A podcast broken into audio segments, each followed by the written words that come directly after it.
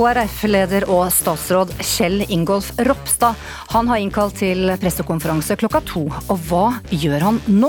Er han offer for heksejakt, eller har han bare seg selv å takke for å ha kjørt slalåm mellom skattereglene? Vi tar debatten. Og så da, Carl I. Hagen er tilbake i manesjen, og Bjørnar Moxnes ja, han ser fram til å møte sin favorittmotstander på Stortinget. Han er en pain in the ass på mange måter. Eh, vi er rykende uenige, men det blir veldig tydelig at det er to verdensbilder som eh, frontkolliderer, eh, men med respekt for hverandre. Og samtaler på rød-grønn side er i gang. Øystein Djupedal og Magnhild Meltveit Kleppa de avslører triksene fra regjeringsforhandlingene i 2005, hvor ett stikkord er 'spill sur kjerring'.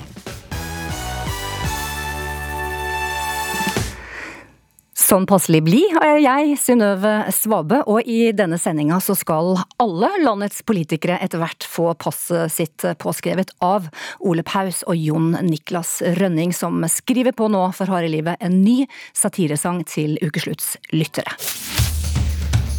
Vi har vært inne på tanken på å lage norsk politikk minutt for minutt. For de rød-grønne har jo gått skoa av seg denne uken og gått på frierferd på døra til selveste reveenka Jonas Gahr Støre. Mens Ropstad igjen er tatt med buksene nede på gutterommet. Denne gangen for å ha unndratt skatt. To musikalske humorister, Ole Paus og Jon Niklas Rønning, de spisser pennen og stemmer gitarene, for på onsdag så er det altså premiere på Latter på forestillingen Skilt ved fødselen. Velkommen hit. Tusen takk. Hvor skal vi begynne? Ja, hvor skal vi begynne? Ja. Dere skriver jo så blekket spruter. Men her og nå i ukeslutt, i dagens sending, så skal vi få en eksklusiv, rykende fersk politisk satirelåt? ja, den er, den er fersk. Altså vi, altså vi, sitter jo og skriver helt tett opp til Vi har jo premiere på onsdag, da, og vi spiller jo da hele tiden. Og da vil vi gjerne være ferske. Og, og det er, det er, dette skrev vi rett og slett rett før vi satte oss i bilen og kjørte hit. Hvis vi har noe talent, da, så er det at vi er ganske raske. Når vi må, så er vi veldig raske. Men det er sånn som gamle skillingsvis komponister og forfattere drev på. Altså, De sto og skrev sang mens brannen pågikk, og solgte, sang, solgte, sangen om brannen før slukningsarbeidet var ferdig. Altså, det, er, og, og det, det, å ha dem som Det er, det er forbilder, altså. Det er eh, dere er i grunnen det eneste positive som har kommet ut av pandemien. Et samarbeid mellom disse to herrene. Eh, to musikalske humorister fra hver sin generasjon, kan man si. Hva er det vi får oppleve på scenen? Forestillingen heter 'Skilt ved fødselen', og det er jo eh, fordi vi har fått høre at vi ligner mye. Selvfølgelig parodien på Ole som jeg har gjort, er jo en del av hele bildet her. Og det at vi driver og synger aktuelle sanger om ting som skjer der ute. Så det blir selvfølgelig mye av det. Det blir eh, noen perler fra arkivet til Ole selvfølgelig, som ikke kommer unna, som folk har lyst til å høre.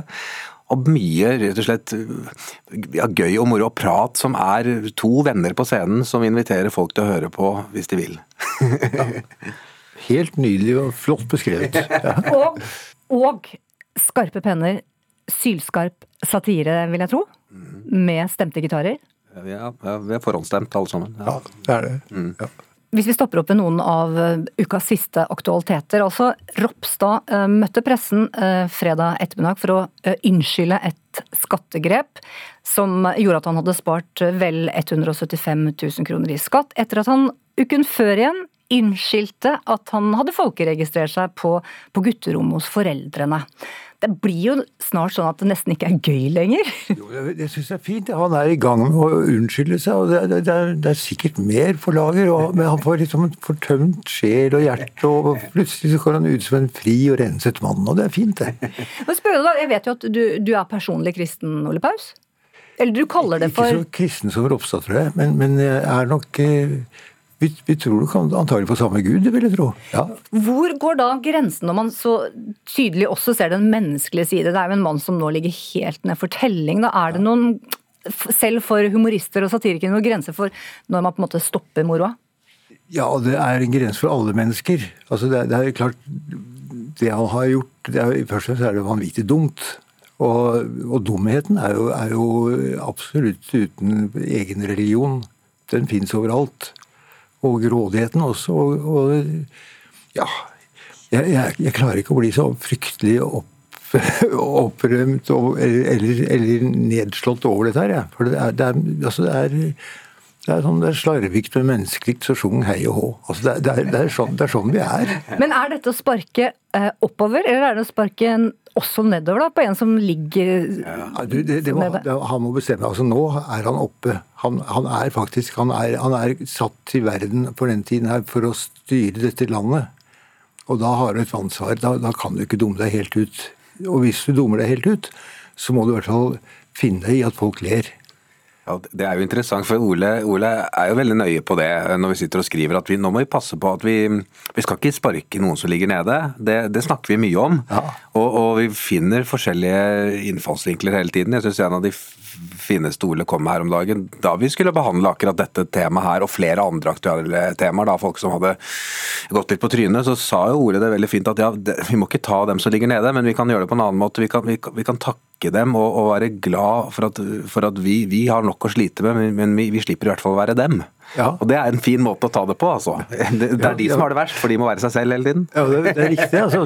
Tusen takk for at jeg slipper å være deg. Det, Men dere, vi har jo lagt en valgkamp bak oss. Eh, seierherrer, tapere. Eh, og eh, det betyr jo også mange nye rød-grønne fjes inn i den politiske manesj. Hvor, hvor, godt er det at det kommer noen nye til? Kom, gjør det det? Ja? Jeg syns det kommer forbausende på. Jeg, jeg syns de ligner på hverandre alle sammen. Det er, er, men jeg er gammel mann, så jeg, jeg, jeg klarer ikke å ja. Altså, det er vel alltid sånn at ting skifter hele tiden. Altså, jeg, jeg, jeg, er veldig glad fordi vi har en, nå fått en enda mer rimbar statsminister. Altså Jonas Gahr Støre. Det er mye lettere å rime på enn Erna Solberg, så for min del så ser jeg, ser at det blir en god fremtid. Noen eksempler på det? Nei, det er altså alt rim på Støre. Gjøre, humøret, føre. Men du, noe annet med deg, Jon, Jon Niklas Rønning. Det er jo at eh, dere, dere møtes noe dere møtes nå endelig Jon Niklas Rønning, til deres første forestilling sammen på Latter. Eh, premiere på onsdag. og eh, Det blir altså to stemmer, to gitarer, og kanskje, sier de meg, også en og annen Paus-parodi?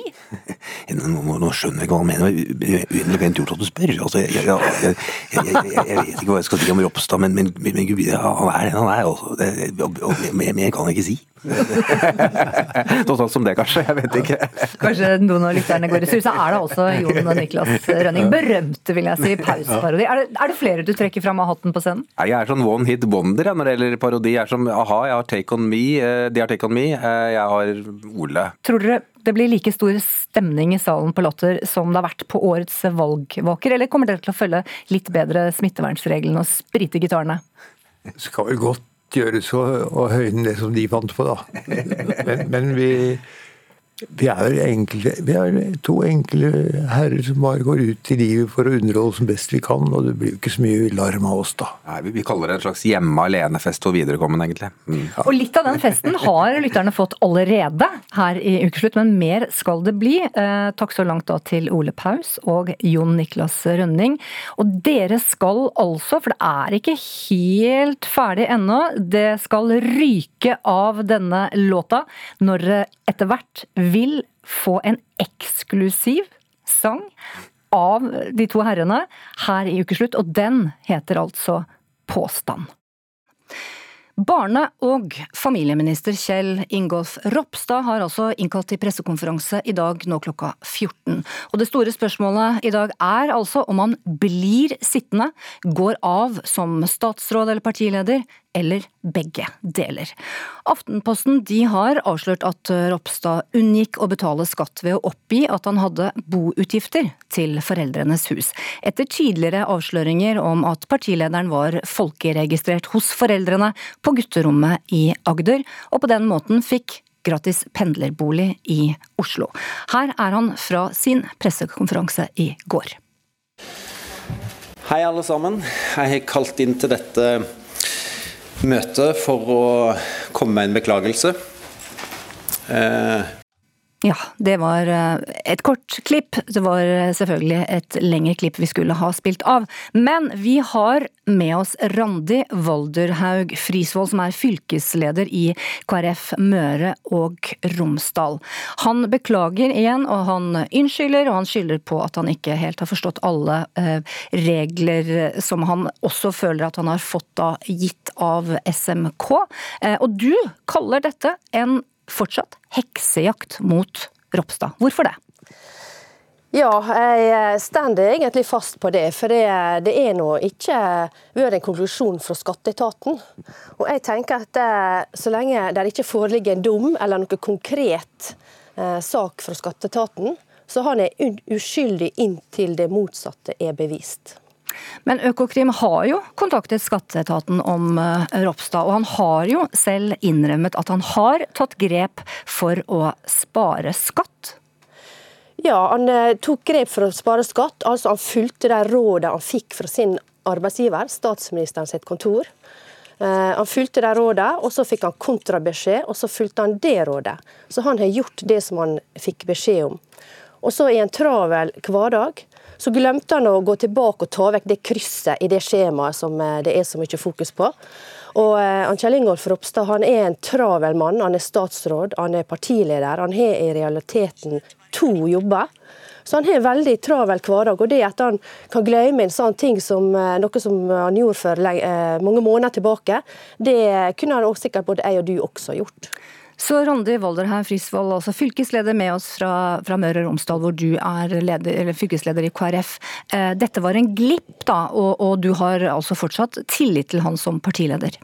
Ja, Det er akkurat det han unnskylder, den glippen som han gjorde. Altså det at han glemte å sette, eller ta vekk det krysset i det skjemaet. Eh, men ut, også samtidig så sier han det at han skal betale tilbake det som han ikke har, eventuelt ikke har betalt. Eh, så han har vært åpen på det hele tida. Og sånn som jeg kjenner han Kjell Ingolf, så har han han har en troverdighet, han er en sannferdig kjernekar. Og Jeg kan aldri tenke meg at han kunne gjøre noe ondt med viten og vilje, mm, sånn altså, som jeg kjenner han. Nei, altså, Da fikk han i hvert fall eh, sin støtte fra, fra, deg og fra Møre og Romsdal. Og jeg skal bare nevne da at vi kan lese i Fædrelandsvennen i dag at det nå er kun én lokallagsleder, i, og det er i Agder, da, eh, KrF-bastionen, som uttrykker tillit til Ropstad. Og ifølge Aftenpostens beregninger i dag over hva de mener Ropstad skulle ha skattet i siste ti årene, så har han eh, betalt minst 680 000 kroner for lite eh, skatt på pendlerboligene. I tillegg så kommer altså 140 000 kroner i trygdeavgift og mulig tilleggsskatt, ifølge Aftenpostens tall. Og gruppeleder i Skien KrF, Erik Næss, du har nå sagt du har ikke lenger tillit til Ropstad. Hva tror du kommer på pressekonferansen klokka to i dag? Tror du han trekker seg? Ja, Det tør jeg ikke spekulere i, og det vet jeg ikke. Og så vil jeg si hei, Randi. Jeg, jeg syns det er bra at noen forsvarer Ropstad. Men når jeg sendte mitt innlegg, som for øvrig ikke har kommet på trykk, til NRK i går, og som er foranledningen for at jeg sitter her nå og prater med dere, så tenkte jeg at eh, nå kommer jeg til å rette kritikk mot det en person har gjort, og dermed så rammer jeg også en person. Det, det syns jeg personlig er veldig behagelig, det liker jeg ikke. Eh, men jeg mente det var riktig av hensyn til partiet og av hensyn til sakene vi kjemper for, og ikke minst de menneskene som de sakene handler om. Det er derfor jeg er KrF-er, fordi at vi kjemper for svake mennesker.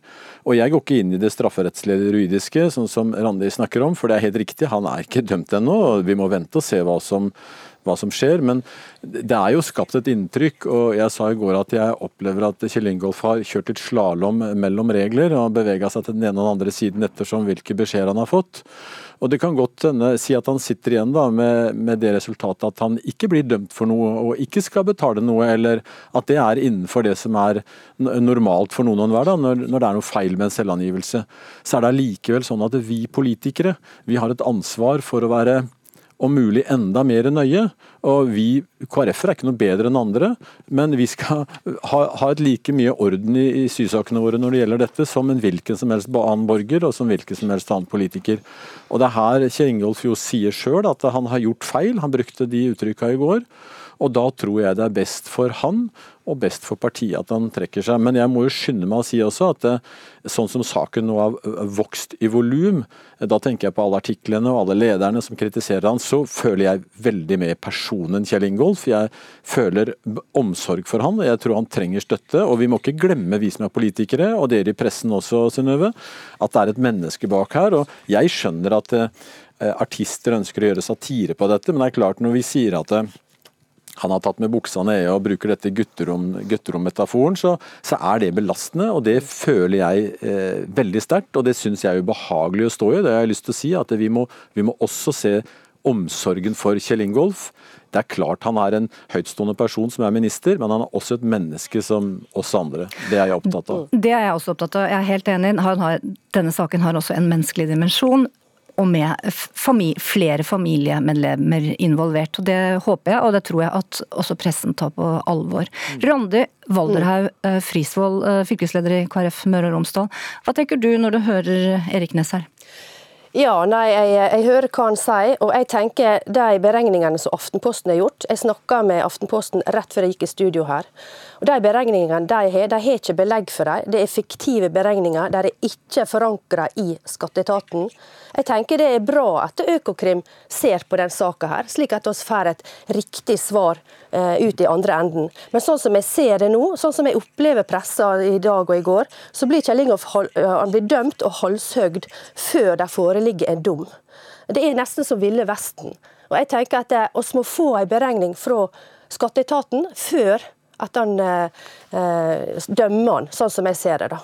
Randi, Randi, det er jo sånn at, eh, og det har jo eh, mange sagt her, at eh, intensjonen i de reglene som stortingsrepresentantene har knytta til disse boligene som både Kjell Ingolf og andre benytter, de, de, er ikke overalt her. Altså, Man har benytta noen smutthull. Og, og, selv om det ikke skulle komme inn under straffeloven, da, så er det likevel sånn at dette hefter ved vårt parti og vår partileder ja, men... på en sånn måte at det er uheldig for partiet. Og i alle sånne situasjoner, enten det er KrF eller andre, mm. så, så, må det få en eller annen konsekvens. Og for oss i, i Grenland, nå er det flere som har kontakta meg, folk teller på knappene, og det håper jeg virkelig eh, vi kan klare å forhindre. Vi trenger alle de kreftene vi har i vårt lille parti parti som nå er nede på 3,8 ja. og da er det antagelig det beste at, at, vi rydder opp litt. Ja, men den konsekvensen må komme etter at skatteetaten har konkludert. Eh, det, det må den gjøre. Jeg synes det at uh, Kjell Ingolf har forholdt seg til de beskjedene han har fått med sin arbeidsgiver.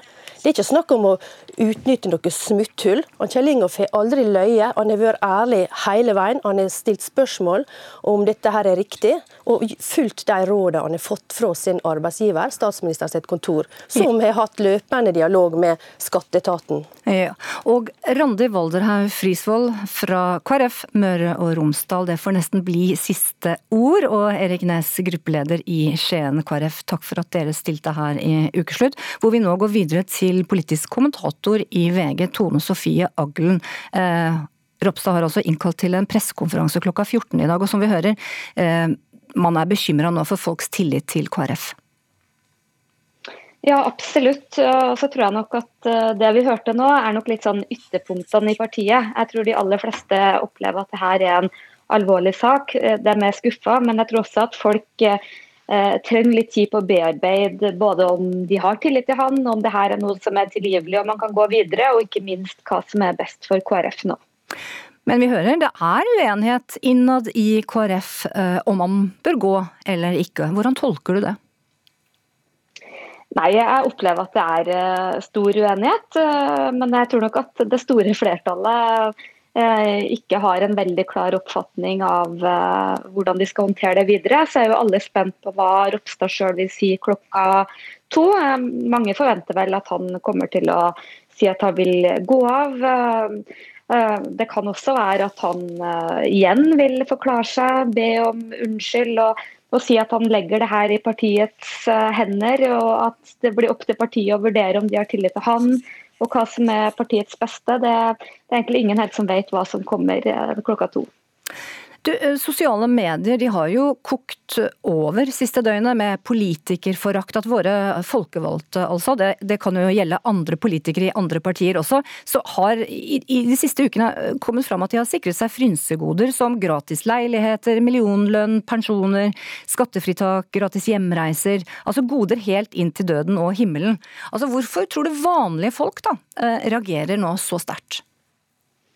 Nei, jeg tror det er lite som eh, provoserer folk så mye som eh, politikere som eh, beriker seg sjøl eller utnytter ordninger. Det er også det som gjør det, denne saken så vanskelig for Ropstad, fordi det er så personlig og det trekker også inn hans familie. Så tror jeg nok at særlig KrF-ere er en type politikere som kanskje får føle ekstra hardt, fordi de hevder å være et verdiparti og, og er opptatt av det. Men samtidig så, så tror jeg nok at noen av enhver i sosiale medier bør besinne seg litt for hva man skriver og sier. For selv om man gjør dumme ting og er politikere med makt, så er det mennesker som har det tungt.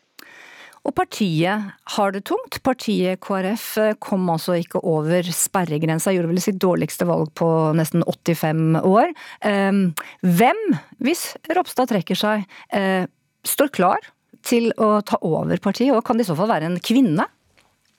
Ja, det, det, er jo en del av problemet at eh, de sitter jo igjen med tre stortingsrepresentanter, og det er fryktelig vanskelig å være partileder i norsk politikk uten å være på Stortinget. Så hvis eh, Ropstad trekker seg, så er det jo vanskelig at det ikke blir enten Olaug Bollestad eller Dag Inge Ulstein som har vært eh, bistandsminister, eller fortsatt er det.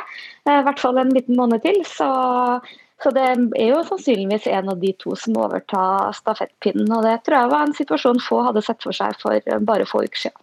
Takk til Tone Sofie Aglen, politisk kommentator i VG. Etter valgnederlaget for Fremskrittspartiet, så kan de allikevel trøste seg med da at de får en skikkelig ringrev tilbake på Stortinget. Nemlig sølvreven Carl Ivar Hagen. Og nå er det Oppland han skal representere, og dermed blir det nok et comeback for 77-åringen. Men spørsmålet er, blir det hans siste? Jeg var veldig negativ. Nå må du huske på at du er gammel og pensjonist. Eli Hagen var ikke helt enig da ektemannen og Frp-politiker Carl Ivar Hagen la fram at han ville gjøre comeback på Stortinget. Men Jeg sa ja, for jeg tenkte at han kommer jo aldri inn. Hvem skal styre Norge de neste fire årene? Årets stortingsvalg var en thriller. Særlig for ekteparet Hagen. Veldig spennende. Valgnatten var jeg jo ute og inn. Og jeg skal love at i 2025 så kommer Fremskrittspartiet knallsterkt tilbake. Fremskrittspartiet fikk ikke til de resultatene som de hadde ønska seg, men for Hagen ble det en personlig seier. Ja, det er veldig, veldig spennende. Og på Dagsnytt 18 tidligere denne uka var Hagen ivrig etter å sette i gang med arbeidet som stortingsrepresentant. Selv om han gjerne skulle hatt flere jevnaldrende kollegaer. Og det er veldig mange over 70 som er oppegående, så vi burde vært noen flere gamlinger på Stortinget enn bare meg.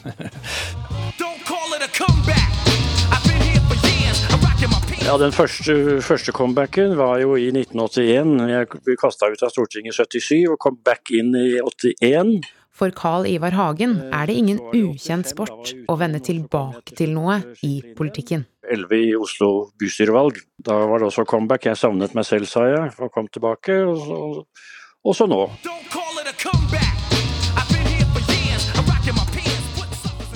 Om tre år er Hagen 80 år. Nå blir han den eldste representanten på Stortinget. Etter beskrivelsen fra både kona Eli Hagen og programleder Espen Aas i Dagsnytt 18 kan man nesten lure på om han i det hele tatt er menneskelig. Det er, eh, er Carl I. Hagen, som mange kanskje tenker har flere politiske liv enn katten. Han er et politisk dyr, og det er ikke noe å få gjort noe med. Men har egentlig folk savna det politiske dyret Carl Ivar Hagen? Så jeg savnet han. altså Nå er jo ikke jeg noen tilhenger av hans politiske parti i det hele tatt. Men han har jo alltid vært en veldig sånn klar, eh, klar direksjon på hvor han går. Så det har jeg savnet. Overhodet ikke savna han. Syns det var mer enn nok å se han på sofa. Altså det er jo bra at man står i jobb lengst mulig. Man må jo det for å få full pensjon. Så det er jo positivt, tenkte jeg. Et godt eksempel for oss andre. Ja, jeg måtte jo gratulere. På den andre siden av Frp på den politiske skalaen ønsker partiet Rødt sin leder Bjørnar Moxnes Hagen velkommen. Det er jo, er jo litt utrolig at han, at han, får det til og, og vinner det mandatet. og så jeg, jeg, han, jeg, jeg, så fram til å se han i salen, og så ønska jeg han, eh, han og Eli god tur til Syden. I en debatt tidligere i år kunne det virke som at Rødt-politikeren gjerne skulle hatt Carl Ivar Hagen på plass før. Jeg holdt på å si at jeg nesten, nesten savner Carl I. Hagen. Ja, bare nesten. Vi får Moxnes til å utdype. Når han er i stortingssalen, så får vi veldig, veldig gode debatter. Eh, vi er rykende uenige, men det blir veldig tydelig at det er to verdensbilder som frontkolliderer, men med respekt for hverandre. Carl Ivar Hagen snakket også varmt om sin rake politiske motsetning på Dagsnytt 18. Og Moxnes har jo gjort mye av det samme som jeg gjorde når jeg bygde opp Fremskrittspartiet på 80-tallet. Og han har vært veldig, veldig flink. Moxnes og Hagen har tidligere samarbeida i Oslo bystyre med hell. Selv om stemninga kan virke god mellom motstanderne, vil nok de kommende debattene ha høy temperatur. Han er en pain in the ass på mange måter. Ja, det, er, det kan vi bruke gjensidig om hverandre. Og da vil kanskje ikke et skikkelig godt tacomåltid sammen friste? Det hadde gått eh, helt fint, det. Taco og kanskje noe godt i glasset, så kan det bli hyggelig, det. Mens Hagen Vil jeg foretrekke en kopp kaffe og napoleonskake. Men kan Moxnes og de andre på Stortinget forvente noen overraskelser fra Hagen? Ja, det må dere. Vil du utdype? Nei, du må ha noe til senere. Han blir jo så lett brun, og han blir jo brun bare han ser ut gjennom vinduet, sier jeg, så I feriehuset i Spania lader Eli Hagen og ektemannen opp til en ny runde med politikertilværelsen på Stortinget. Carl har nettopp vært i bassenget, så han skal komme frisk og uthvilt tilbake, det, det kan jeg love. Men syns Eli Hagen at det er stas med mannens comeback? Under tvil. Under tvil. Men uh, altså, han er jo så glad for å ha kommet inn, så jeg må jo glede meg på hans vegne. Jeg må jo det, men uh, ja, det er litt, uh, litt under tvil. Så var det alle disse comebackene til Carl Ivar Hagen, da. Politikeren med flere politiske liv enn en katt, det politiske dyret. Blir dette siste comeback? Neste år fyller jeg 75 år. Etter et lite søk i arkivet fant jeg dette fra 2018. Det er jo ikke noe urimelig at man da liksom trekker årene inn og, og blir pensjonist på heltid, og det er det som er planen. Ja. Dette blir den siste comeback. Det har du sagt før òg? Ja vel, det kan hende det. Reporter her var Kristine Grønstad Alstad. Da blir overskriften 'Drangedal en mobbekommune?' spørsmålstegn. For i 2019 så sto et titalls elever i Drangedal frem og fortalte om omfattende og grov mobbing fra sin tid ved skoler. Vel 60 elever har tatt kontakt med advokat for nå å få vurdert sine saker. Drangedal kommune har avslått alle søknader om erstatning, med begrunnelse i at vilkårene for erstatning ikke er oppfylt. Og denne uken skulle en av de som har opplevd mobbingen ta saken til retten, men den måtte utsettes fordi flere vitner har meldt seg. Og reporter Rikard Aune, du har jobbet med denne saken. Hva er kjernen? Denne historien starta med 28 år gamle Cecilie Haugen, som eh, fortalte offentlig at eh, hun hadde blitt mobba gjennom hele livet. En sterk historie, et sterkt vitnesbyrd, og i løpet av de neste ukene, ganske få uker, så sto eh, altså over 60 mennesker frem og fortalte til hennes advokat at de hadde opplevd mobbing gjennom mange år. Noen ganske langt tilbake i tid, og helt fram i dag. Du har intervjua 28-åringen eh, som sto fram, Cecilie. Hva, hva er det hun sier hun har opplevd?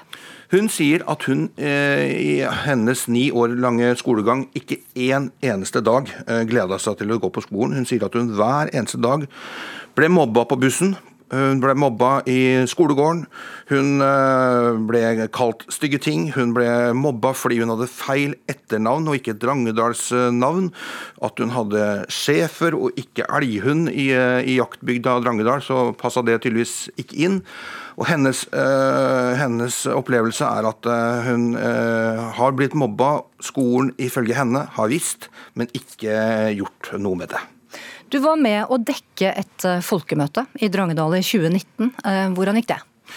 Jo, fordi i løpet av noen uker etter at hun sto fram, så var det jo altså sånn at veldig veldig mange fortalte at de hadde opplevd det samme. Drangedal er jo en kommune med 4000 innbyggere, og når over 60 stykker forteller at de har opplevd det samme, så er det enorme tall. Og, og Elevundersøkelsen både i, ikke minst i 20, 2018 bekrefta at det var veldig veldig mye mobbing i Drangedal i forhold til andre steder. Uh, og så begynte bygda å reagere, uh, i hvert fall deler av bygda bygda sa dette kan vi ikke leve med, og, og, og, og lagde et folkemøte eh, på Bygdetunet, hvor ordføreren gikk på, på, talerstolen og hadde en flammende appell til bygda for å ta et oppgjør med mobbinga. Kjære sambygdinger. På tross av alt det vonde, så er det noen modige mennesker som har stått fram og fortalt om det de har opplevd. Som Cecilie og Kristoffer og mange flere har sagt ifra om at de har hatt vonde opplevelser i Drangedal. Jeg tror vi alle kjenner på at Drangedal nå står med et skille. Det er det vi kan velge, er å starte arbeidet for et bedre Drangedal. Jeg håper at dette arrangementet kan markere et skille i så måte. At vi alle kan gå herifra og tenke at det var i dag vi starta den viktige jobben. Ja, Reporter Rikard Aune, altså fikk dette folkemøtet noen konsekvenser? Eh, ifølge Cecilie så, så, fikk det ikke de konsekvensene hun ønska seg. Hun, hun, føler at eh, i hvert fall store deler av bygda ikke tror på henne. Og hun føler, og flere føler at det er bare deler av, av bygda som erkjenner at vi har et problem her som må gjøres noe med. Og, og dette er jo på mange måter en sak som, som splitter bygda. Og, og, det såreste av alt er jo da at hun av kommunen ikke føler at hun blir trodd, i den forstand at kommunen ikke erkjenner at de har hatt noe ansvar, de har ikke visst, og, og dermed heller ikke noe erstatningsansvar for den uh, situasjonen hun har blitt utsatt for. Takk for eh, denne grundige eh, rapporten, Rikard Aune. Og vi går da videre til kommunedirektør i Drangedal kommune, Hans Bakke. Eh, dere har brukt litt tid på å si ja, kommunen, til å stille til et intervju. da. Hva, hva er det man har vært så redd for? For det første så er det jo slik at vi er stevna for retten, og det er en sak som jeg ikke kan gå inn i her på radioen tror jeg alle skjønner det, at vi kan ikke det når det, saken skal opp i retten. Ellers så føler vi jo det at eh, det er vanskelig å nå ut med de tingene som vi faktisk gjør i kommunen. Vi føler at vi har blitt unyansert framstilt, eh, og at som sagt de tiltakene vi setter i gang, ikke når ut. Eh, så er det vi har lyst til å korrigere òg. Det er jo ikke meldt 70-80 mobbesaker, men det er en advokat som har mottatt mange henvendelser. Kommunene har mottatt eh, mange spørsmål om å få se mappa si, men det er fremma to erstatningssøksmål, og ett er avvist og ett er kommet til retten. Vi hørte, Det er viktige ting du kommer med der, men vi hørte da eh, i tidligere i, i, innslaget her, en forsonende ordfører i, i, et klipp, som sa tydelig til bygdefolket at uh, Drangedal nå står ved et veiskille hvor bygda kan gjemme unna mobbesakene, eller ta, ta dette onde ved rota. Uh, hvorfor må uh, da de som er blitt mobbet, kjempe mot kommunen i, i rettssalen? Jeg synes det, det, som er viktig å si, da, er det at vi har tatt tak i dette her på en ryddig og ordentlig måte, mener jeg. Eh, det er strenge formelle krav til eh, hva som skal til for å utmåle erstatning i mobbesaker. Og vi har eh, bruka vårt forsikringsselskap og fått bistand til det, for å håndtere de sakene på en korrekt måte. Det er vi jo veldig opptatt av, at vi har likebehandling og korrekt tilnærming til disse sakene. Det jeg har lært gjennom det året jeg jobba i Drangedal, er at faktagrunnlaget i slike saker er sammensett. Og Drangedal er ei lita bygd. Det er vanskelig å gå inn i slike saker på en annen måte enn det vi har gjort, mener vi. Men fakta er jo at dere har fått kritikk og pålegg flere ganger. Da. Så hva, hva, er ditt ståsted nå i 2021 denne høsten? Altså er, er mobbingen er det blitt bedre, problemene i, i Drangedal? Vi har hatt to tilsyn fra Fylkesmannen som er et eh, ni år tilbake og et nå eh, for et par år siden. Det siste tilsynet er lukka. Eh, så vi har på plass de rutinene som skal til. Det som er viktig for oss nå, det er jo det vi gjør framover. Det er det som er mitt hovedfokus. Og, og hva gjør dere da framover? Fram, ja. ja, framover gjør vi mange ting. Vi kjører nå elevundersøkelse på alle trinn for å overvåke vi har knytta til landets fremste kompetanse på eh, dette temaet, nemlig Læringsmiljøsenteret. De bidrar med kompetanseheving, systemutvikling og direkte veiledning i enkeltsaker. Vi oppdaterer alle interne rutiner. Og vi fyrer opp delplikten i lovverket. Vi fyrer med, vi griper inn, vi har låg terskel for å varsle. Vi lager aktivitetsplaner med tiltak, og vi evaluerer tiltakene og har effekt. Ja, og dette er vel slik det er på de fleste av landets skoler allerede. Så tilbake da til, til spørsmålet eh, som vi stilte egentlig helt i starten. Altså, hvorfor må Cecilie Haugen da møte Drangedal kommune i, i retten? Tror dere ikke på at hun har blitt eh, mobbet? Jeg vil ikke kommentere Cecilie Haugen-saken. Det er en sak som skal opp for retten, og vi ser fram til at den får sin avklaring der. Hva har denne saken, og at det står i avisene, at vi nå også i ukeslutt da, tar opp eh, mobbing eh, samtidig med ordet Drangedal kommune, hva, hva gjør det, ser du, tenker du, for bygda og sambygdingene? Ja, Som jeg sa innledningsvis, så føler jeg med at eh, vi har fått et eh, unyansert fokus og framstilling i media. Eh, spørsmål, det, og mange saker er det egentlig? Det er jo, jo jeg sagt noe om at vi kan diskutere. Så vi, er jo selvsagt bekymra for at vi får et stempel som ommebygd, som vi ikke egentlig kjenner oss igjen i. Og du mener da, eh, kommunedirektør i Drangedal kommune Hans Bakke denne lørdagen, at det er et uh, ufortjent rykte for Drangedal? Vi erkjenner at det, finnes, eh, at det foregår mobbing i Drangedal, som i alle andre kommuner. Men det som jeg er helt sikker på, det er at vi jobber knallhardt og profesjonelt med å forebygge, avdekke og stoppe mobbing i Drangedal. Godt å høre, og god lørdag videre til deg, Hans Bakke, kommunedirektør i Drangedal kommune, og takk for at du stilte i Ukeslutt denne lørdagen. I Norge så blir altså rundt 60 000 norske skoleelever, det vil si 5,2 eh, av alle elever mobber to til tre ganger i måneden, eller oftere, det viser tall fra elevundersøkelsene. Eh, og disse tallene har ligget stabilt i årevis de siste 20 årene. Skribent, blogger, journalist Ingeborg Senneset, velkommen til ukeslutt. Tusen takk. Eh, I, for vel en uke siden så sto du også frem eh, på nrk.no og eh, fortalte om din egen historie med mobbing. Mm. Hva fortalte du? For å være helt ærlig så har jeg ikke klart å lese saken sjøl engang. For at jeg syns det var så vanvittig vanskelig. Det jeg prøvde å formidle, eh, som eh, jeg gikk gjennom i intervjuene, var det at det her skulle jo ikke handle om meg, for det handler jo ikke om den som mobber, men det handler om den som blir utsatt for det. Um, men jeg ville at vi skulle ta en samtale om hva er det som skjer i dynamikken når folk er redd for å havne nederst og bli hakkekyllingen. Eh, og jeg var livredd for å bli hakkekyllingen, for det var beinhardt i et bitte lite miljø. Og derfor så grep jeg de første sjansene til å heller hakke enn å bli hakka på. Og sånt går gjerne på omgang, og det der blir et voksenansvar å ta tak i. Og det var det som var det viktige med den saken. At det skulle ikke være et, det skulle ikke være et opp oppgjør med fortida. Det er ikke meg det er synd på. Altså, vi har nok av folk som eh, kommer og viser trynet sitt og sier huffa, huffa, hadde en fæl fortid. Det Poenget mitt var det at nå har vi sjansen til å gjøre noe med folk sin nåtid, til å gjøre noe med folk sin fremtid. Nå er det en hel kommune som har en sjanse til å gjøre noe med folk som sliter med ettervirkningene av mobbing, eh, ved å ta det på alvor og at de blir sett.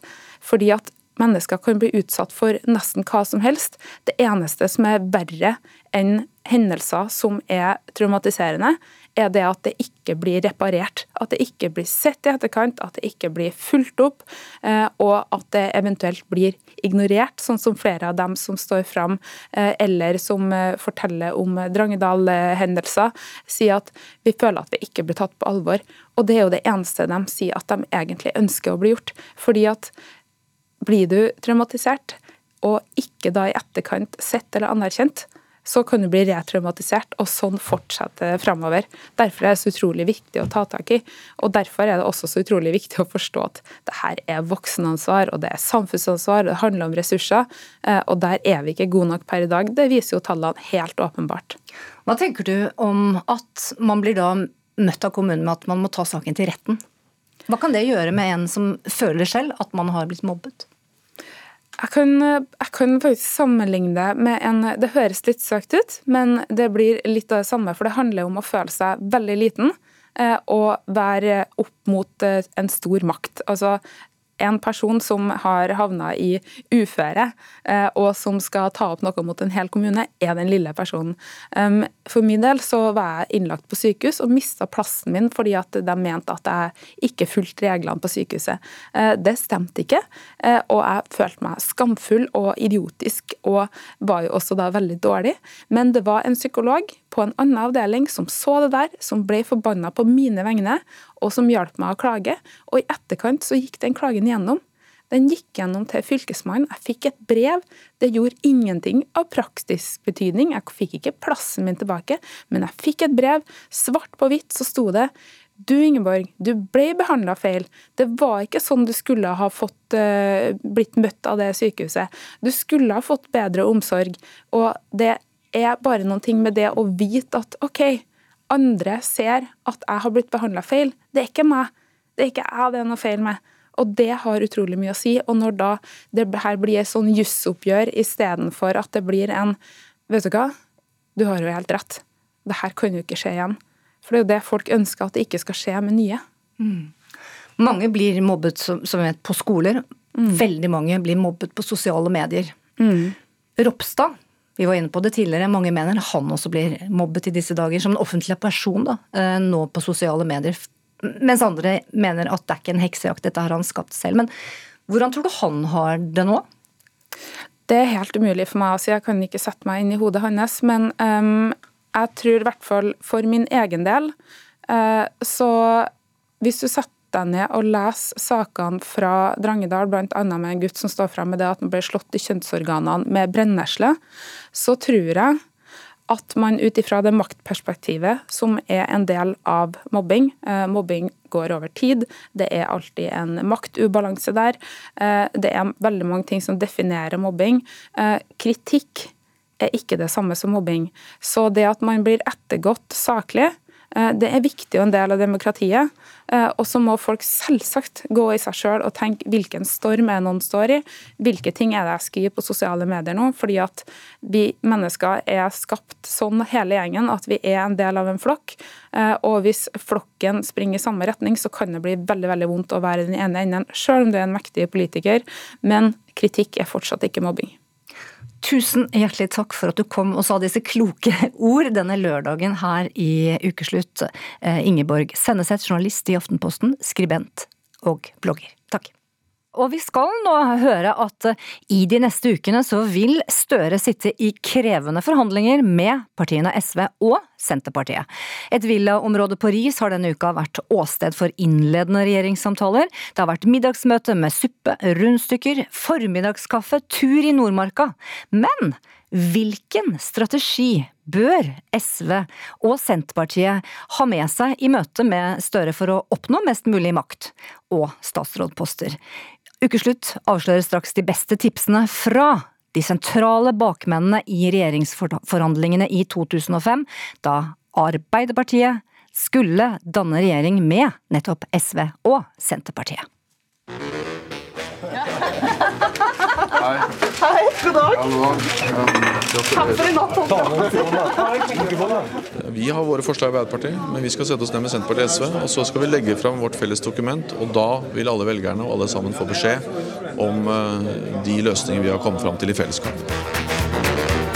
Jeg tror alle forstår at Hvis man skal samarbeide i fire år og sitte i regjering, så må man ha et tydelig gjennomslag for de sakene en, en slåss for sjøl. Det vil være Arbeiderpartiets utgangspunkt, og Senterpartiets, og selvsagt også SVs det er Senterpartiet som ligger på vippen i Stortinget. Det er en styrke selvsagt i en forhandlingssituasjon. Men skal vi greie å få på plass ei regjeringsplattform som er god nok eh, for alle, så må vi vise respekt for hverandres posisjoner og hvor grensene går. Ja, altså veien fram til den aller første rød-grønne regjeringen den var full av fartshumper. Men eh, Jens Stoltenberg, Kristin Halvorsen og Åslaug Haga de dannet etter hvert en eh, felles regjeringsplattform. Den gang hadde eh, SV og Senterpartiet en oppslutning på henholdsvis 8,8 og 6,5% mens Arbeiderpartiet altså hadde hele 32,7. Man var innelåst eh, på Soria Moria eh, sammen i 14 dager, og to som satt innelåst eh, på innsiden, det er dere. Velkommen Øystein Djupedal, den gang nestleder i SV og en del av forhandlingsdelegasjonen, og deg, Magnhild Meltveit Kleppa. Takk, takk. Takk. Du Kleppa, jeg begynner med deg. Altså, sånn sett så, så, så, var det jo bra forhandlinger dere gjennomførte. For det ble altså ti statsrådposter til Arbeiderpartiet, men hele fem til SV og fire til Senterpartiet. Eh, hvor du altså, Kleppa, ble kommunal- og arbeidsminister, og du Djupedal eh, kunnskapsminister. Men Kleppa, hva slags strategi var det denne drevne forhandlingstrioen, da, som besto av tre kvinner, det var deg, det var Åslaug Haga og Marit Arnstad, hadde eh, med seg inn i forhandlingene? Hva slags taktikk? Ja, altså Vi hadde et veldig godt utgangspunkt, fordi at vi var enige om at dette skulle vi få til. Eh, det trengs regjeringsskifte. Vi hadde programmer som nettopp var vedtatt på på våre respektive landsmøter.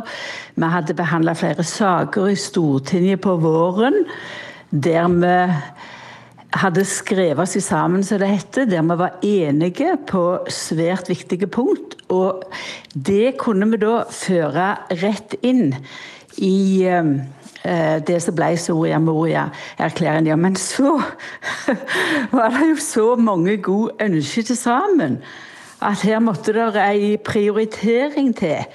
Og da kommer utfordringene, fordi at alle må kjenne seg som eh, vinnere. Da må vi bruke tid, samtidig sørge for framdrift. Da må vi være faste på det vi vil ha gjennom. Og så må vi samtidig vite hvor vi kan være fleksible. Og den beste taktikken som dere hadde, det var vær mest mulig møkk sur kvinnfolk og, og syk ut motstanderen. Stemmer det? Dere var sure. Altså, det er jo eh, veldig alvorlig. Denne oppgaven er svært alvorlig. Eh, det er et stort ansvar, det å, å eh, meisle ut ei regjeringserklæring. Det er stor tillit forbundet med det. Det er klart vi måtte være enige oss imellom i Senterpartiet. Vi må være alvorlige, så alvorlige som vi bare klarer, og vi må være bestemte. Jeg får høre da med deg, Øystein Djupedal. Stemmer det at du ba Kristin Halvorsen om å innta en tøffere tone fordi hun sprudlet over som champagne mot død, sur vin? Ja, det er riktig. Det, altså vi, det, ble en veldig kontrast i selve forhandlingene. fordi at uh, Jens var alltid blid, uh, og det er han jo. Kristin er jo alltid blid. Og kontrasten mot Senterpartiet ble veldig stor. og Vi var veldig overraska over det, for vi kjente jo både Magnhild og, og Marit og Åslaug som flotte, blide kvinner. Og så kom vi til forhandlinger, og da var liksom ingenting De fikk liksom ikke vunnet en eneste seier, fikk vi inntrykk av. Vi er misfornøyd med alt i år. Og så fikk de jo innkassert den ene store seieren etter den andre. Sånn at på slutten, når vi forhandla om de avgjørende sakene som var igjen da på bordet, da var bl.a. Vefsna. SV hadde jo gått tungt inn for at vi ønska et vern av Vefsna, og det ble jo resultatet til slutt. Det var Arbeiderpartiet veldig imot, og Senterpartiet var imot. Og da var det vi sa til Kristin at nå må du tøffe deg opp og være litt sur. og Et lite stykke på så klarte hun det, men hun klarte ikke lenge, da. Det skal også sies. Se ut som en tordensky, skal du ha sagt.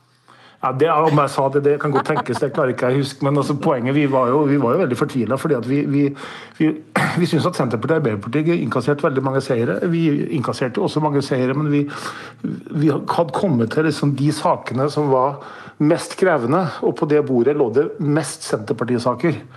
Altså Det var flest saker som ikke var løst av de som var viktige for Senterpartiet. Vi hadde én stor sak liggende på det bordet, og det var refsene. Mm. Og den hadde vi trengt å, den skulle vi få til, og den fikk vi til. Og i dag er vel alle veldig takknemlige for at SV fikk til det. Men, men hvem av dere var det som sa eh, til hverandre 'Gud, for en gjeng vi skal samarbeide med'? Ja, Det klarer ikke jeg å huske. Nei, ikke, ikke, jeg heller. Det kan, det kan ha vært noen i Arbeiderpartiet for den del. Det kan høres sånn ut.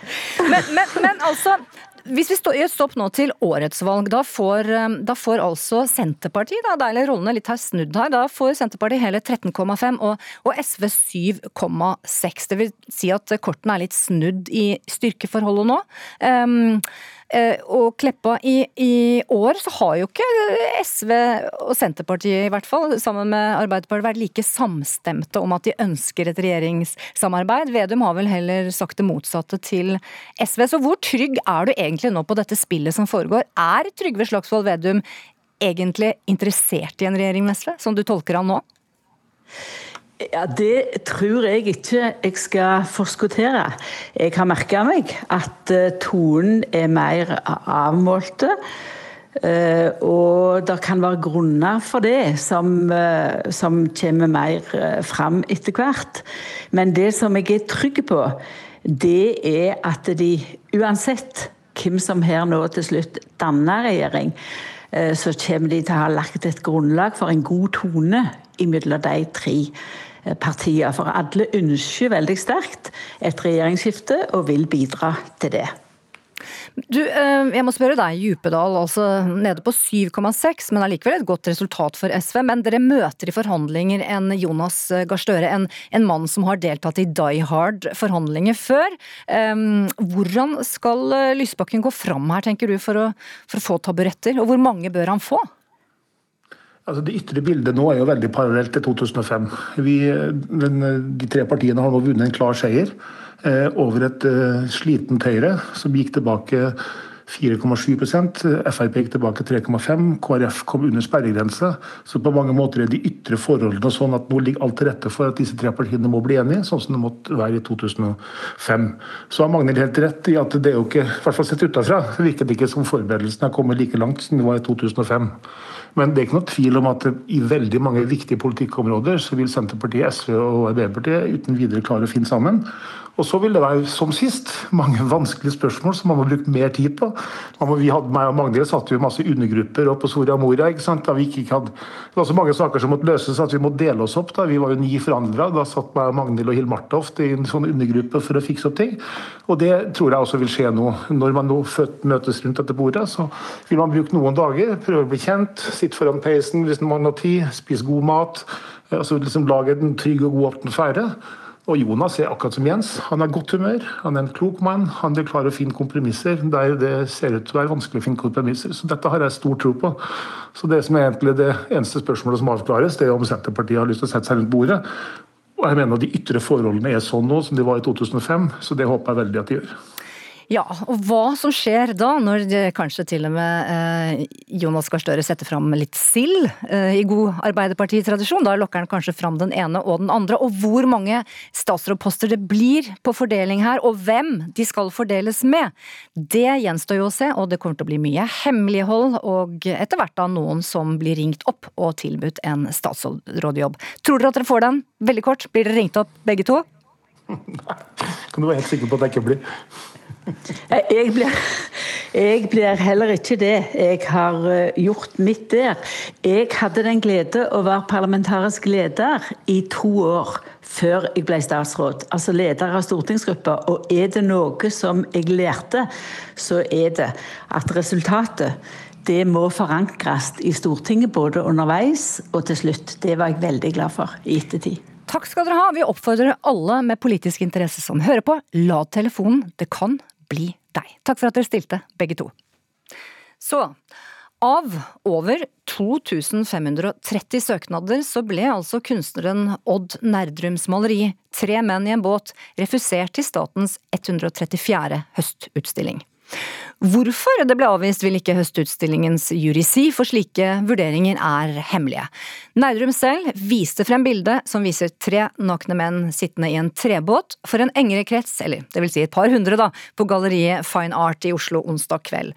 Kunstner Vebjørn Sand kaller refusjonen fra Høstutstillingen uhørt og skammelig, mens eh, Mona Pale Bjerke, kunsthistoriker og kritiker her i NRK, hun stilte torsdag i Dagsnytt 18 spørsmålstegn ved kvaliteten til maleriet, og om det virkelig er Nerdrum selv som har malt dette maleriet.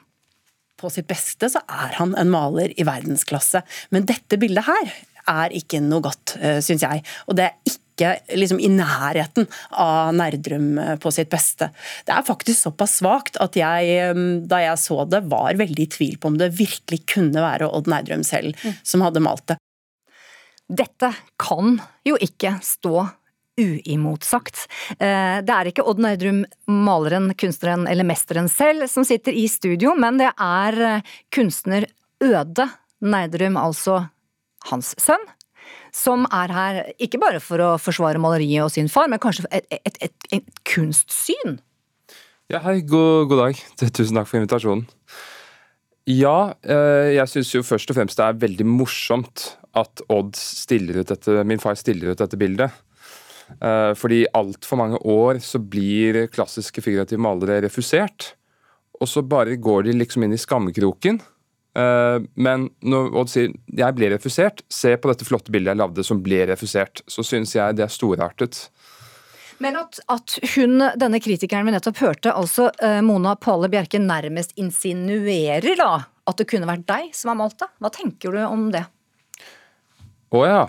Ja, ja. Eh, jeg tenker jo at eh, det er et fantastisk maleri, det vil jeg si først og fremst. Og jeg håper du drar dit selv og ser det, eh, fordi det skinner virkelig, altså. Det er et helt nydelig motiv.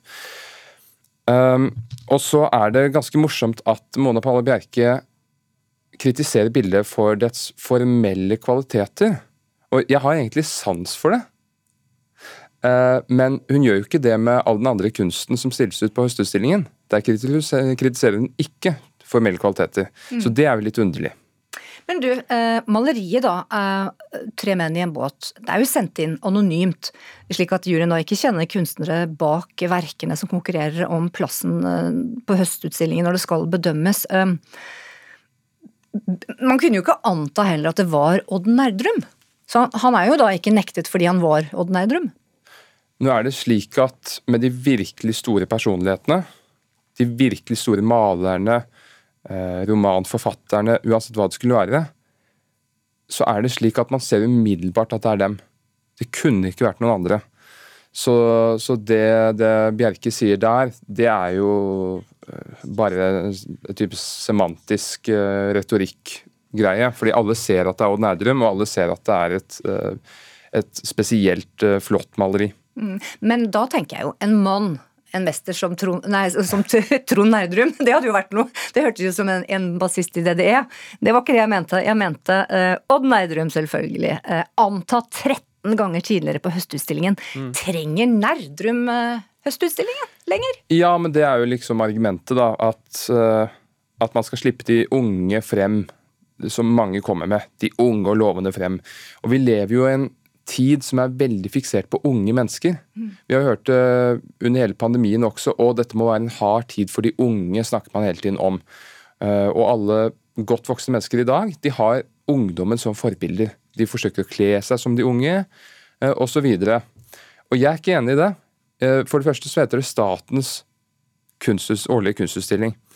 Og når det har ordet staten i seg, fordi det er jo statens på en måte hovedutstilling i løpet av et år, som skal vise hva som produseres nå for tiden, eller i alle fall det siste året og år som er.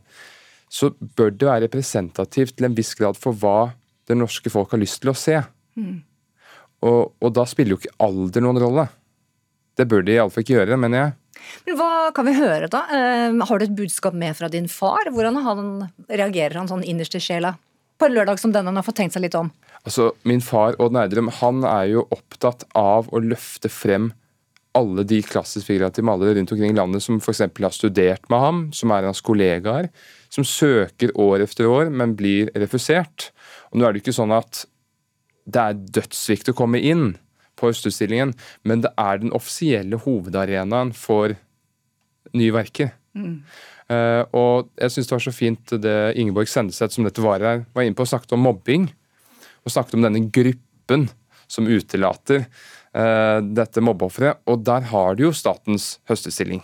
Så de Nerdrum føler seg mobbet? av nei, nei, dette mobbet altså, ut? Det, det, det, en ting som er veldig viktig her, er at dette handler ikke om Odd. Altså Odd har lyst til å stille ut dette bildet sitt, for han er veldig fornøyd med det og har lyst til at folk skal se det. Men Odd er også en ledestjerne innenfor det klassefigurative miljøet. Han er opptatt av å løfte frem de andre og hjelpe dem. Og kanskje være et slags forbilde for dem. Og stille ut. Og hele miljøet min far har skapt, det hadde ikke vært mulig uten ham. Norge har et helt sånt unikt klassisk figurativt miljø. Det skaper så mye flott her. Og det, det, finnes ikke i Europa. Du kan nesten ikke. Hvis du drar ned til Italien, så er det jo bare modernisme. Da må vi tilbake helt til den greske antikken. og det, den, det, programmet kan vi ta neste uke, men det har vi ikke tid til nå. Men Jeg vil bare si en siste ting. og det er at eh, Jeg planlegger nå et alternativ til Høstutstillingen. Gjør du? Ja. En vårutstilling. Eh, og jeg er for tiden ute etter sponsorer som får både et sted å holde det og midler til det. Fordi jeg, jeg, møter folk på gaten hver dag nå som sier det var så fantastisk å se det bildet til Odd. Fordi jeg, jeg, det er så mye tull på Østutstillingen, så folk er sugne etter et alternativ, og det holder jeg på å planlegge. Du må ikke bare si Odd, du må si Odd Nerdrum hvis han hører på. Så da blir det vårutstilling. Hvor tenker du deg den? Har du bestemt eh, by? Oslo? Nei, jeg har ikke bestemt meg for det. Som sagt, jeg leter efter sponsorer og muligheter, eh, men det skal skje. For en nyhet, og for en vår det vil bli. Eh, 2022 i Norge. Øde Nerdrum, jeg ønsker deg masse lykke til. Og så blir det jo også da, det har jo vært også her i ukeslutt, ekstremt god PR for din fars kommende utstilling 2022. Takk for at du kom denne lørdagen, og hils, hils hjem. Vi skal ganske snart altså få en verdenspremiere på en flunkende ny satirevise, ført i pennen av Ole Paus og Jon Niklas Rønning. Men nå skal det dreie seg om at det på en måte er litt sånn svingdør inn og ut i norsk politikk, og ganske så snart, så om noen uker, så vil da Erna Solberg og Sindre Finnes eh, måtte pakke seg ut sakte, men sikkert av inkognitogaten retten til ny tilværelse i pendlerleilighet. Og da ønsker jeg velkommen til statsminister Gemal Sindre Finnes. Tusen takk. Du er jo så veldig mye mer enn det også, men vi har nå, eh, selv om jeg vet du er fagsjef i industripolitisk avdeling NHO, så har det vel for mange også blitt kjent som mannen til Erna? Ja, jeg er nok mer kjent som mannen til Erna enn fra min jobb i NHO. Ja, du er det. Går det greit? Det går helt fint. Men aldri skyggen? Ikke Nei, skyggen til Erna. Prøve å, å, ikke være skyggen hennes. På hjemmebane da, med en, en, en, kone som da reiser verden rundt og er regjeringssjef, er det du da, Sindre Finne, skal vi slå fast det, som er, er sjef på hjemmebane har vært det disse åtte årene? Ja da, eh, og så er jo det blitt sånn at våre barn etter hvert i løpet av de åtte årene er blitt voksne og har flytta ut, og, og, da er jo det ikke så mange å være sjef for å være på hjemmebane. da. Nei, er sjef for deg selv sjef for meg selv igjen, bare. Du, altså da du, Hvis vi tar et lite recap her, altså. Eh, nå er du 56? 57? Ja, jeg har faktisk blitt 57 i løpet av sommeren. Ja, Gratulerer med det.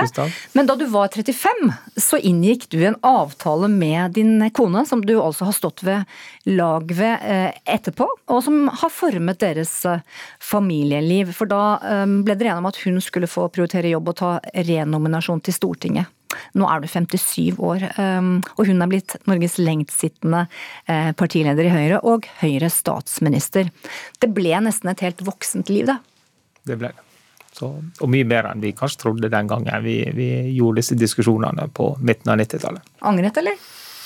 Nei, du kan ikke angre, det, det er bare dumt. Men, men, eh, du kan jo tenke litt gjennom at det, du kunne kanskje den gangen eh, gjort det litt annerledes. Da.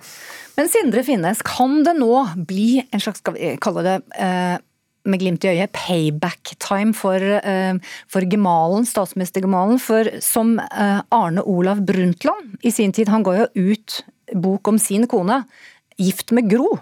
Ryktene vil ha det til at ikke bare skal Sindre Finnes tvitre fritt videre nå, men det skal bli bok? Ja, det kan godt være at det blir bok. Det har jo vært masse opplevelser å ta med seg. og både Erna og meg er litt dialog med forlag for å se om det kan bli noe ut av det. Da. Men en bok skal jo skrives, og du skal ha nok innhold til at det blir, blir godt nok til at det, noen har lyst til å lese det. Ja, men Det er mange som har gitt ut bøker, politiske biografier. Mm. Men denne boka, vil det være ditt uh, ståsted sett uh, fra Inkognitogaten og Parkveien gjennom åtte år, eller vil det være en fellesbok? Nei da, Erna vil jo skrive en mer klassisk biografi etter hvert, som, som hun trekker seg fra politikken. Mens det jeg diskuterer, er jo på en måte en bok der du står i Inkognitogata og ser deg rundt i verden. Hvor nærme er du en signering på en slik bok? Nei, det får vi komme tilbake til. Signerte du før du kom hit, eller? Nei, det gjorde jeg ikke. Jeg signerte ikke akkurat før jeg kom hit. Nei, men jeg vet Du teller penger og er sunnmøring, men du kommer mm. til å signere på mandag. Det ser jeg på deg. Jo da. Ja da, vi, vi, får se. Det, eneste jeg har sagt, at det, skal det bli noen bok, så må alle som er involvert i, i det, tjene penger på det. Det er der er som summering. Og så mest med seg sjøl, sier du, og så fyker armene inn i kroken. Ja. Men du, det er jo ikke Vi må tilbake til at dere nå skal altså, eh, etter åtte år, da, ikke akkurat flytte fra noe gutterom. Dette palasset, statsministerboligen, er en embetsbolig på vel 670 kvadrat. Tre etasjer, nydelig hage. Det ryktes vel også at det er egne kokker og ryddehjelp. Du har vel kanskje ikke, verken du eller Erna, måttet støvsuge eller vaske badegulvet på et år, eller? Nei, Vi har jo da passa på huset vårt i Bergen, som vi er innom av og til, og støvsuger rydda og vasker der. Men i statsministerboligen så får vi hjelp til det. da. Men nå blir det pendlerleilighet? Nå blir det en eller annen form for leilighet fra Stortinget, men vi kommer jo, Erna og meg kommer helt sikkert til å være mye mer i Bergen enn vi har vært de siste åra. Ja, du, du, er jo siviløkonom, så jeg regner med at du har Er det noen som har satt seg inn i dette regelverket nå? For leilighet, så er det deg. Nei, det, Erna har satt seg inn i det regelverket her når hun begynte på Stortinget. og Det begynner å bli lenge siden, og selvsagt det har kanskje vært noen endringer i det. Det får vi sjekke litt opp eh, eh, når vi snakker om ny leilighet. Når tror du at dere flytter ut? Nei, Det er vel i forbindelse med regjeringsskiftet. Så det er egentlig avhengig av hvor fort Jonas får frem et eh, resultat fra de partiene som nå snakker sammen. Mye som skal pakkes ned og sånn. Jeg tenker eh, Julehilsener fra Barack Obama og Angela Merkel og sånn blir vel med, men det er vel mye sånn nips og ræl hun har fått fra noen ja, det, det, utlendinger? Det er masse forskjellige gaver, så det må jeg se om man skal sette det på statens store gavelager, eller om man skal sette det igjen i boligen. Og Fins det et gavelager? Ja, staten har et stort gavelager. Ah. Og så et spørsmål skal vi ta med noe til Bergen. Vi har jo fått en del personlige gaver også, og de blir tatt med til Bergen. Ja, Men du, føler du at Erna har dreisen på dette med å rydde og kaste? Er hun flink? Ja, det tror jeg skal gå helt fint. altså. Det, ah, ja. Og det blir mye som skal kastes. Det er så mye som skal kastes, ja, der sa du det. Og nå skal du få tips av en annen sunnmøring som heter Synnøve. Og du må ikke hyre på meg, men du må hyre på Synnøve Skarbø. Hun har disse rådene. Hei, Sindre. Det er hun Synnøve Skarbø her. Du, nå som dere skal flytte ut av statsministerboligen og inn i en mye mindre leilighet, så tenker nå jeg da at det er en gyllen anledning til å få røska kraftig opp i skuffe og skap, og rett og slett kvitte dere med en del ting som dere ikke vil ha med dere videre i livet. For nå har dere sjansen til å ta ordentlig grep. Ut med stygge pyntegjenstander og usaklige gaver som dere har fått fra statsledere og foreninger, og som dere bare beholdt av ren høflighet. Luk ut klær, kjøkkenutstyr og tekniske duppeditter som aldri blir brukt. Rensk opp i bøker, papir og alt annet som hoper seg opp etter noen veldig hektiske år. Og Trikset her det er å være helt ærlig med seg sjøl, kanskje til og med litt kynisk, på hva dere faktisk trenger i den nye leiligheten deres. Uansett, hvis dere syns det er vanskelig å få sveiva i gang eh, denne nedskaleringsprosessen, så stiller jeg meg disponibel. Jeg vil veldig gjerne hjelpe dere. Lykke til, og helse, og Erna! Var det noen gode tips? Ja, det var noen gode tips. Det var det absolutt. Og jeg skal ta med det eh, tilbudet til Erna. For det vi har mest av i statsministerboligen, det er klær til Erna. Det er desidert mest av. Oi, oi, oi, kjoler.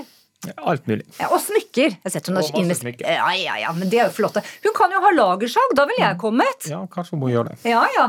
Men du, eh, jeg regner jo med nå at det skal bli litt rolige tider for dere to eh, og hele familien. Men da vet jeg at ofte så har hun snakket eh, varmt om at eh, dere tar dere en sånn romantisk tur til deres kjære Paris. Blir det det, eller blir det Dombås, hvor jo dere møttes i studenttiden? Er det, er det det kanskje som er det mest romantiske stedet dere har? Jeg var innom på, på, et jobboppdrag for to uker siden, var innom Dombås hotell, og jeg tror ikke vi skal tilbake dit med det første. da. Men Paris det skal vi til på, og så er det bare spørsmål når får vi tid til en Paris-tur igjen. Ja, men du må ikke ta den tittelen på boka, da, 'God tur til Paris', Erna, for den er tatt. Den er tatt, den er så den, tatt, den, blir det ikke. Nei. Og så eh, er det da slik at om få uker så kan vi også treffe Erna Solberg og Sindre Finnes på en matbutikk, et kinosete nær oss, uten livvakter.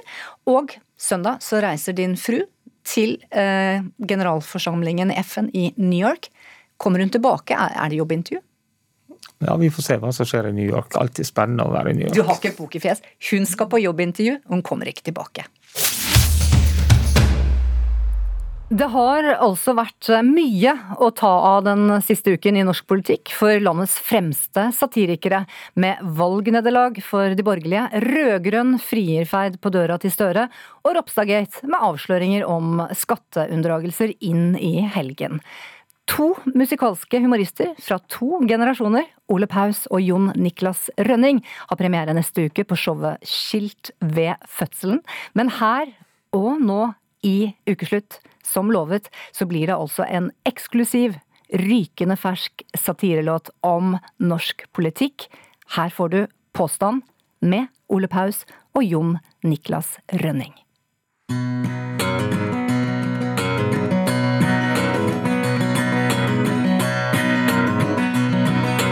Tale er sølv og taushet er gull, er en påstand. Skrik gir lite ull, det er en påstand. Tre er for mye, det er bedre med to.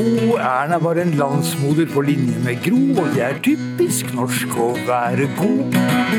Det er en påstand. Da Ap vant valget, ble det langt fra noen fest, det er en påstand. Det var så vidt de slapp inn en eneste gjest, det er en påstand. Alle regler om smittevern ble riktig håndtert, og alle vi som så på ble sykt imponert av hvordan énmetersregelen ble respektert. Det er en påstand. Ropstad er en gudfryktig mann, det er en påstand. Det er ingen mer gudfryktig enn ham, det er en påstand. Ropstad er ærlig, den saken er klar. Hiv lappen i hvilke adresser han har, for egentlig bor han hjemme hos mor og far. Det er en påstand. Jan Bøhler er virkelig et politisk geni, det er en påstand. Det var lurt å melde overgang til Senterpartiet, det er en påstand. Nei, det er ikke så viktig hvor dårlig det gikk, for nå som Bøhler er ferdig med norsk politikk, er vi glad for at han nå kan satse alt på musikk. Det er en påstand. MDG er et nytt og verdifullt parti, det er en påstand. Hva verdiene består i er ikke enkelt å si, men det er en påstand. Nå er valget forbi, og det kan ikke gå galt. Sangen vår til ukeslutt har oppsummert alt. Og for sangen vi skrev, får vi sykt godt betalt. Det er en påstand.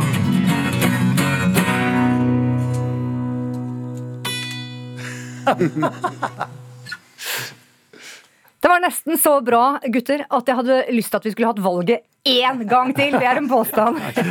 Ole Paus og Jon Niklas Rønning. Det ryker av dere. Takk skal du ha. Det var pent sagt. Det er det peneste du har sagt til oss i hele dag. Ja, lever på en hel uke, det der. Det kan du gjøre. Ja, tusen takk. Ja. Da er det egentlig bare for meg å takke for meg. Ansvarlig for denne sendingen har vært Kari Li. Teknisk ansvarlig Hilde Tosterud, og i studio Synnøve Svabø.